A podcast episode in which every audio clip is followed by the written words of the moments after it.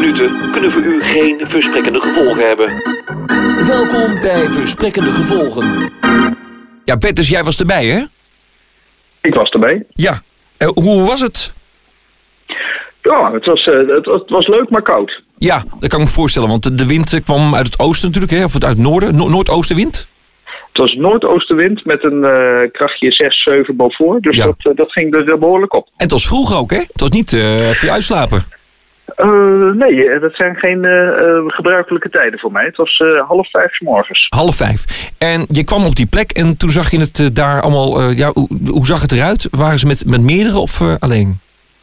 Nou, het was een, een behoorlijke groep, een mannetje of, of honderd. En ja, ze stonden daar allemaal omheen. En je denkt van eh, wat, wat, wat, wat gaan ze doen? Want Ja. op een gegeven moment pakken ze dan elkaars hand.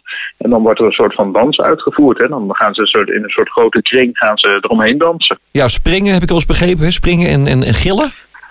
Ja, het is een soort huppel en een soort oergil eh, wordt er dan eh, gegeven. Ja. Dus ja, het is indrukwekkend, kan ik wel zeggen. Zeker bij deze temperatuur. Jij, jij ging dus kijken om dat een keer live mee te maken. Maar hoe reageerden ze toen ze je zagen?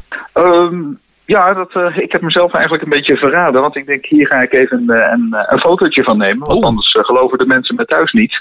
En eh, daar had ik wel even de flits bij moeten Ja. uitzetten. Oeh. En dat, eh, want eh, toen, toen de flits eenmaal eh, afging, toen, eh, toen, toen was het opeens afgelopen met de oerschreeuw en de oerdans. Ja, want ze zagen u en, en toen eh draaiden ze zich om en kwamen op u afgerend of zo? Hoe ging dat? Nou, ja, wat, wat er gebeurde in feite, die groep die, die draait zich open in die grote kring. Ja. En, en de, de buitenkanten waaien uit. En in feite sluiten ze binnen, binnen nog geen vijf, zes seconden sluiten ze mij in. En stond ik in het midden. En de opperschreeuwer, was die er ook bij?